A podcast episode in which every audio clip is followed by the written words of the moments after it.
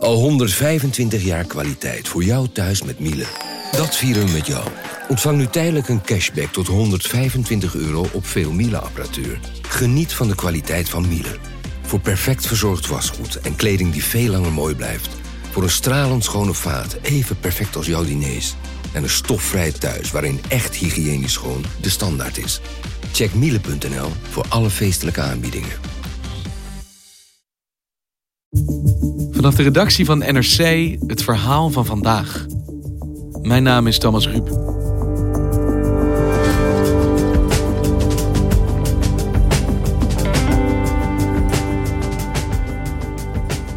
Het was het corruptieschandaal van deze eeuw. De affaire Odebrecht. Het Braziliaanse bouwbedrijf betaalde een miljard aan steekpenningen. Ze zaten overal en kochten iedereen om. Rechters, parlementariërs en meerdere presidenten. Maar wat heeft dit alles te maken met een ondernemer uit Voorschoten? Henk van Wee.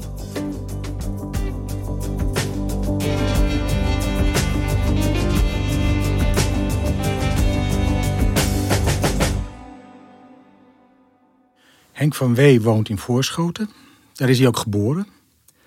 En uh, hij heeft daar de MAVO gedaan in Wassenaar. In de buurt is dat van Voorschoten.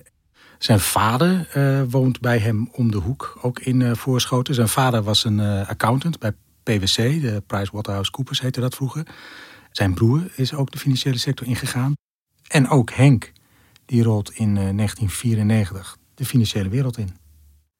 Jeroen Wester werkt op de onderzoeksredactie van NRC en maakte dit verhaal samen met Esther Rosenberg. En we zeiden tegen elkaar wel eens van ja, hè, dit is eigenlijk een soort trustfamilie.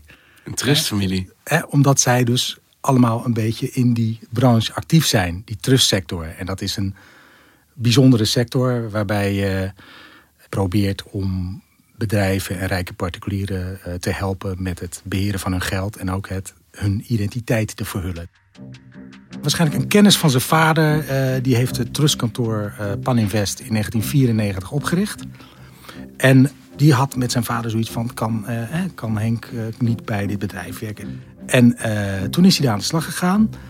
En binnen zeven jaar was hij directeur en mede-eigenaar van dat trustkantoor. Hij stortte zich daar ook volledig op. Hij is niet gehuwd, hij heeft geen kinderen. Hij werd lid van de grootste businessclub in Leiden. Hij werd bestuurder bij een landelijke goede doelen stichting. En, en wat gebeurde er toen? Toen werd hij op 26 februari van dit jaar gearresteerd. Het OM blijkt al een tijd lang onderzoek te doen. De verdenking is deelname aan een criminele organisatie en het faciliteren van corruptie en betaling van steekpenningen op grote schaal. Dit komt wel vaker voor, maar dit ging om een bedrag. De justitie vermoedt dat het om meer dan 100 miljoen euro gaat. Dus meer dan 100 miljoen euro aan geld is er door het Nederlandse financiële stelsel gestroomd. En daar, is, eh, daar wordt Henk van Wee dus van verdacht dat hij daar dus een belangrijke rol in heeft gespeeld. Hij is verdachte, inmiddels is zijn broer ook verdachte. En dat ging allemaal om Odebrecht geld. Of tenminste, niet allemaal, maar het ging grotendeels om Odebrecht geld. En Odebrecht, ja, bij sommige mensen uh, doet dat een belletje rinkelen. Want Odebrecht, dat is een ongekend financieel schandaal in Zuid-Amerika. Imagine if the Watergate investigation had led not only to the downfall of President Nixon, but also to allegations against his successor, plus the Speaker of the House, the leader of the Senate, a third of the cabinet, and more than 90 members of Congress. That gives you some idea of what's happening in Brazil right now. Want ik, ik ken de naam, maar wat is dat Odebrecht-schandaal nou precies? Odebrecht was op dat moment het grootste Zuid-Amerikaanse bouwconcern. Dus ze bouwen dammen, luchthavens, metro's, hè, metrolijnen, bruggen, snelwegen. Echt het grote werk. En om die opdrachten te krijgen, kochten zij politici om. En dus niet de kleinste jongens. Panama, Uruguay, Bolivia, eh, Venezuela, echt noem maar op. Gewoon eigenlijk heel Zuid-Amerika, ook Cuba, Venezuela. En we- dit is, lijkt mij, misschien wel het grootste corruptieschandaal van deze eeuw. En daar is dus Henk van Wee uit Voorschoten op een of andere manier bij betrokken. Ja. Want hoe is dit schandaal aan het licht gekomen? Hoe zijn we erachter gekomen dat dit speelde? It all began in the capital city of Brasilia in the most mundane of places. A gas station that had once housed a car wash. a money laundering operation there that used a car wash as a front. Lava Jato is one of the largest bribery cases ever investigated, which means car wash in Portuguese. Het is vernoemd naar de autowasseretten in Brazilië, waar het strafrechtelijk onderzoek is begonnen. Maar we hebben het nu over een letterlijke eh wasseretten. Ja, een Niet witwasseretten, maar een Nee, autowasserij. precies, precies. En wat gebeurde daar dan? Daar stuit de justitie op mensen die waren aan het zeulen met koffers met geld. En eh, toen justitie dat ging volgen, kwamen ze uit bij redelijk hoge bestuurders binnen Brazilië. Ze kwamen eh, het eerst uit bij bestuurders van Petrobras. Petrobras was Brazil's largest and most important company, responsible for exploiting the country's vast oil reserves. En Petrobras is het staatsoliebedrijf van Brazilië. En ik weet ook nog wel, dat is al jaren geleden, dat ik op de economieredactie zat. En dat ik dus het Petrobras-schandaal wel eens voorbij zag komen. En het was een ver van je bed show. Eh, en dat was dus, ging om allerlei omkoping en corruptie rond dat Petrobras. En opnieuw stapt een Braziliaanse minister op. Dit keer gaat het om de minister die corruptie moet bestrijden. En juist van hem zijn belastende geluidsopnames uitgelekt... rond het corruptieschandaal bij staatsoliebedrijf Petrobras. Maar het was een Braziliaanse kwestie. Dat was een Braziliaanse kwestie. Alleen dat werd steeds groter. En later is dat eigenlijk het Odebrecht-schandaal gaan heten. Want het werd voornamelijk gedaan door Odebrecht. Odebrecht. One of the main examples involves it paying bribes to officials of Brazil's state-run oil company Petrobras. En Odebrecht bleek de grote speler die nog veel meer omkocht. En dan vooral dus nationale politici in allerlei landen in Zuid-Amerika. Odebrecht has admitted paying $29 million in bribes over some 15 years in order to secure lucrative state contracts in Peru. Want dit is het volgen van het geld, eh, dit onderzoek. En dat begint dus bij een wasseretten. Ja. Leidt naar Petrobras, een Ja. oliebedrijf in Brazilië. Ja. En het leidt naar Odebrecht, wat nog veel groter is. Precies. Waar veel meer landen bij betrokken Ja, zijn. ja, En wat zijn de gevolgen als dat aan het licht komt? Uiteindelijk leidt het echt tot een golf van arrestaties door eh, heel Zuid-Amerika heen. Authorities in Brazil have arrested a former finance minister who is a senior figure in the last two governments. De vicepresident van Ecuador is veroordeeld tot zes jaar cel Een knuffel met corruptie. een man. En daarna is het voor Fujimori direct door naar de But gevangenis. Peru's president Pedro Pablo Kuczynski could be about to be removed from office. Santos has been implicated in the widening corruption scandal swirling Bribes around paid by a construction engineering company. firm Odebrecht. Odebrecht. Een van de eh, bekende zaken is die eh, van dit jaar. Dat is namelijk dat de voormalig president, een voormalig president, want er zijn er vier van Peru die verdacht zijn, Alan Garcia. eh, daar kwam het arrestatieteam in maart aanbellen voor arrestatie bij zijn huis. En die heeft zich toen door het hoofd geschoten. Dus ja, zij, Odebrecht zat dus op, hè, op het hoogste niveau bestuurders om te kopen. En vooral politici om te kopen in Latijns-Amerika.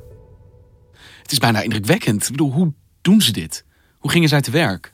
Ze hadden een aparte afdeling omkoping, een divisie, een smeergelddivisie had het concern. Dat was een afdeling. Dat was een binnen afdeling. Het bedrijf. was een afdeling binnen het bedrijf. Sterker nog, die stond ook nog in het jaarverslag. Alleen het heette Structured Operations. Hè? Maar daar viel dus echt alleen maar dit onder.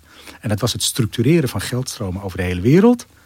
Maar ze hebben En- een smeergeldafdeling. Ik bedoel, het heet anders, maar het is duidelijk dat dit het is. Gaat Ja. het dan zo schaamteloos open en bloot? Nee, het ze hadden een heel sophisticated schaduwsysteem ontwikkeld. Eh, en dat ging dus buiten het hele bedrijf om. En daar werden dus eh, alle betalingen wel bijgehouden. Want je moet wel een miljard aan steekgeldpenningbetalingen bijhouden. Eh, en daar kregen dus al die politici, die kregen daar codenamen. Die hadden codenamen. Dus je had eh, Stalin en Robocop of eh, Bambi. Eh, en er was ook bijvoorbeeld een politicus, die had een 40 jaar, een vriendin, die was 40 jaar jonger dan hem. En die noemde ze Viagra. Nee. Wat is het nou precies dat Odebrecht doet en wil met die smeergelddivisie? Je zou het eigenlijk zwartwassen kunnen noemen of omgekeerd witwassen. Want Je gaat namelijk van de bovenwereld, laat je het geld ondergronds gaan. En normaal gesproken heb je als crimineel bijvoorbeeld, als je met drugshandel uh, geld hebt verdiend, heb je zwart geld en is eigenlijk je probleem dat het wit moet worden, zodat je het in de bovenwereld krijgt. Maar hier moest het geld eerst naar, de, naar ondergronds gaan om die presidenten of die andere politici en bestuurders om te kopen. En daar hadden zij dus een gigantisch sophisticated wereldwijd netwerk voor ontwikkeld. Waarbij ze over de hele wereld het geld rondploegden. Om vanuit de normale boekhouding geld af te buigen naar uh, ja, geheime locaties op belastingparadijzen, belastingeilanden. Waar hele potten met geld werden opgebouwd om politici structureel om te kopen. En de truc was, dat deden ze met fictieve opdrachten. En die fictieve opdrachten, en dit nu wordt het ingewikkelder, maar ik hoop dat je me blijft volgen. Ik doe best. Ja, die fictieve opdrachten is dus zo dat je wil dus bijvoorbeeld 2 miljoen krijgen bij die ene president. Dan wordt er bijvoorbeeld een opdracht gegeven van iets meer dan 2 miljoen, zeg 2,5 miljoen, aan een BV in Nederland. Die BV in Nederland, die gaat dat ook weer inkopen. Die geeft een opdracht aan een andere BV op een uh, belastingparadijs. En daar, gaat dan, daar ontstaat dan een pot van een paar miljoen. En daarmee kan dus weer die president worden betaald. En iedereen in die schakel, die heeft dan hè, als een soort strijkstok, die heeft daar uh, wat procentjes gepakt. En er zitten dan tegen die tijd zoveel schakels tussen dat het eigenlijk heel moeilijk te traceren is terug naar Odebrecht. Ja, ja. Terwijl op de achtergrond was Odebrecht de regisseur van deze hele keten. En nou komen we in Nederland. Hè? Wat deed dan Henk van B? Nou, die nam dus opdrachten aan. Highly sophisticated opdrachten. Kostencalculaties voor een, uh, voor een metrolijn in uh, Lima, zeg maar wat. Uh, en die nam die opdracht aan voor anderhalf miljoen dollar. En die gaf dat weer door aan een opdrachtgever in de Britse Maagdeneilanden. Die hield zelf 4 of 5 procent. En justitie zegt dus, die heeft de verdenking van dit zijn allemaal fictieve nepopdrachten. Dit was alleen maar onderdeel van een uh, uh, grootschalige steekpenningenaffaire. Waarom zou hij überhaupt een opdracht krijgen voor een metrolijn in Lima? Is dat zijn expertise, kan hij dat? Nou, dat is voor ons natuurlijk ook een raadsel. Maar wat we wel begrijpen is natuurlijk... Henk van Wee is een financiële loodgieter. Dus die heeft een hele infrastructuur liggen hier. Want zijn vak is het voor bedrijven en rijke particulieren... Uh, optimaliseren van de belastingafdracht. Dat is het jargon, hè? Uh, maar uh, dat is dus gewoon belastingontwijking. De meest aantrekkelijke structuren ontwerpen zodat je zo min mogelijk belasting betaalt. Nou, dan gaat het dan altijd via Cyprus, Malta, Hongkong, Britse Maagdeneilanden, noem maar op. En die infrastructuur hebben trustkantoren liggen. En die trusthandel die is legaal, hè? Uh, want we hebben het niet over ontduiking, maar ontwijking. Dat is altijd een verschil. Maar het is wel zo dat, met, dat je met deze structuren heel aantrekkelijk zijn, ook voor, voor dit soort dingen, blijkt wel. Dus is wat Henk van Wee deed, zijn connectie met dit Odebrecht... eigenlijk een schoolvoorbeeld van die methode die zij gebruiken? Ja, uh, sterker, voor de Braziliaanse justitie... die heeft op een gegeven moment een, een, een document gemaakt. De, de, de, de afdeling, een soort politieke expertafdeling... gespecialiseerde afdeling van de politie van, uh, van Brazilië... van hoe werkt dat nou? Hè? Hoe werkt het via de schakels? En daar, is dus, daar zijn dus twee voorbeelden genoemd... precies van uh, Henk van Wee in Nederland. Dus die connectie is eigenlijk wel heel direct tussen dit Odebrecht-schandaal en Henk van Wee. Ja, dit is, en dat is dus de verdenking dat er veel connecties zijn tussen Odebrecht en al die BV'tjes en stichtingen eh, die hier bestierd werden. Ik heb nog nooit eigenlijk zo lang uh, achter elkaar uh, met mijn neus in de actes van de Kamer van Koophandel gezeten. Want het, het gaat echt om honderden vennootschappen. Wij, Esther en ik, zijn in die BV's uh, gedoken in Nederland. En er blijken dus op allerlei posities, blijken daar dus mensen te zitten die in het Odebrecht-schandaal verwikkeld zijn. In de BV's van Henk van Wee? Ja, in BV's of stichtingen die betrokken zijn bij deze, bij deze affaire. En wat we uh, onder meer hebben uh, gevonden is dat Marcos Grillo, en dat is dus echt de chef smeergelddivisie van Odebrecht, die mailde rechtstreeks met bedrijven of medewerkers van Henk van Wee. En Marcus Grillo was dus degene die organiseerde dat die voormalige president van Peru ook betaald werd. De president die zichzelf door het hoofd schoot. Precies, dat is exact dezelfde. Dus de lijnen zijn heel kort. Want je beschrijft dat die connecties eigenlijk vrij direct zijn Ja. tussen Van Wee en Odebrecht. Ja. En je zegt het gaat hier om gigantische bedragen, Ja. 100 miljoen. Ja. Zijn er nergens alarmbellen afgegaan? Is er niemand opgevallen? Die enorme hoeveelheid geld die dan door deze eh, handen gingen. Ja, precies. En dat is dus onderdeel van eigenlijk een ander strafrechtelijk onderzoek. Dat is namelijk dat OM ABN AMRO verwijt dat zij niet geno- goed genoeg hebben opgelet... omdat dus een groot deel van deze gelden kennelijk eh, door ABN AMRO zijn gestroomd. Omdat Van W bankierde met sommige eh, vennootschappen bij ABN AMRO. En banken moeten, dat is echt een verplichting, die moeten witwassen en terrorismefinanciering voorkomen. En het is een strafbaar feit voor banken als ze dat onvoldoende doen. En dat is hier aan de hand. Dat is een verdenking van justitie die zegt ABN AMRO heeft niet goed genoeg opgelet. En die had dat kunnen zien. En dan kan je de discussie hebben, hadden ze dat moeten zien? Want is het feit dat hij dan pas zo laat tegen de lamp loopt bewijs van hoe ingenieus de methode Odebrecht was? Of is dit bewijs dat het toezicht faalt van banken? Kijk, als leek denk je van ja, hallo, dat zijn toch gewoon allemaal alerts. Daar kan je dus op, op zoeken. Maar in al die banksystemen is dat veel ingewikkelder. Dus dan krijg je heel sterk de defensieve bankier die zegt ja, maar dat kan niet zomaar. En je kan bijvoorbeeld zeggen bij dat Odebrecht, wij konden dat niet zomaar zien. Want Odebrecht is bijvoorbeeld, eh, bij ons weten, geen klant bij ABN AMRO. Nee, dit ging, hè, er ging geld van Odebrecht Uruguay of Odebrecht Argentinië ging naar een BV in Delft. En die BV in Delft maakte via ABN AMRO weer geld over naar de Britse Maagdeneilanden of naar Antigua of een andere eh, entiteit eh, in het buitenland. Wat kan dan het gevolg zijn voor ABN AMRO? Dat ze in ieder geval volgens de OM mogelijk niet genoeg Nou, hebben in- opgetreden? In het verleden is natuurlijk een schokgolf door de sector gegaan. Dat was een jaar geleden. Toen heeft ING een eh eh, mega-schikking getroffen van eh, 775 miljoen euro. Want die hadden dus niet goed genoeg opgelet bij eh, boeven, zeg maar, die witwassen via, via de bank. Daar is ook veel kritiek op geweest, omdat eh, het OM schikte in plaats van dat ze echt de zaak voor de strafrechten eh, brachten. Ja, dus er Eh, werden geen straffen uitgedeeld. Ze konden die in principe afkopen, was de kritiek. Ja, ja, en je hebt dus in de financiële sector vrezen wel mensen voor nou ja, de maatschappelijke druk.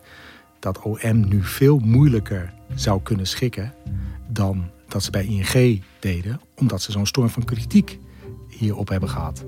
Maar goed, dat is speculatie, eh, dat weet je niet. Eh, justitie moet gewoon zijn eigen afweging maken. Want zou dit in theorie kunnen betekenen dat we straks bankiers van ABN AMRO met handboeien om zien lopen vanwege deze zaakjes van Henk van Wee? Nou, in Amerika doen ze dat altijd. Maar wij gebruiken in Nederland minder snel handboeien en camera's. En als we de handboeien figuurlijk Maar, nemen? Precies. eh, het is mogelijk natuurlijk dat ook bankiers straks individueel verdacht worden. En misschien ook vervolgd worden. Maar dat is dus, ja, dat weten we niet. En Henk van Wee, hoe verweert hij zich tegen deze aanklachten die hem boven het hoofd hangen? Henk van B. en zijn broer willen eh, niet eh, reageren op de kwestie. Dus eh, die hult zich in stilzwijgen. En is er een kans dat Henk van Wee daadwerkelijk geen idee had waar hij in betrokken was? Dat hij gewoon zijn werk deed als directeur van een trustbeheer en eigenlijk nooit met Odebrecht of omkoping te maken heeft gehad? Ik vermoed dat dat zijn eh, verdediging zal worden. Dat je kan zeggen van ja, maar ik kreeg gewoon een opdracht. En in goed vertrouwen heb ik die opdracht uitbesteed aan een ander consultancybedrijfje op een hè, ander belastingparadijs.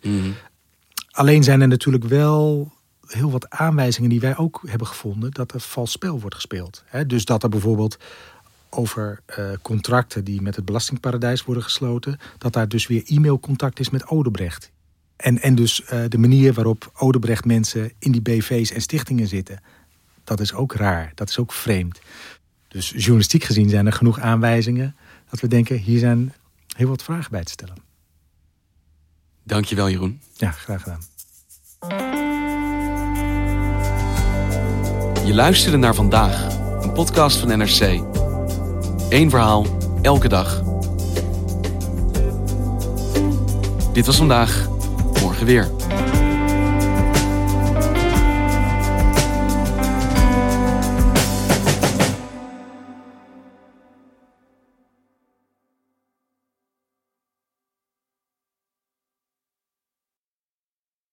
Technologie lijkt tegenwoordig het antwoord op iedere uitdaging.